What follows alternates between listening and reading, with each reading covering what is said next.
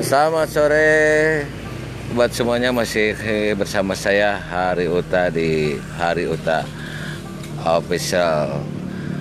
Suasana di seputaran Kota Bandung masih ya kelihatannya sepi dikarenakan mungkin apa di Covid-19 ini eh, dan program apa peraturan pemerintah tentang PPKM.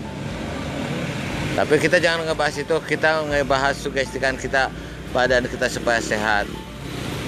Supaya kita sehat, kita jangan berpikir positif, sugestikan kita kepada Allah Subhanahu wa taala.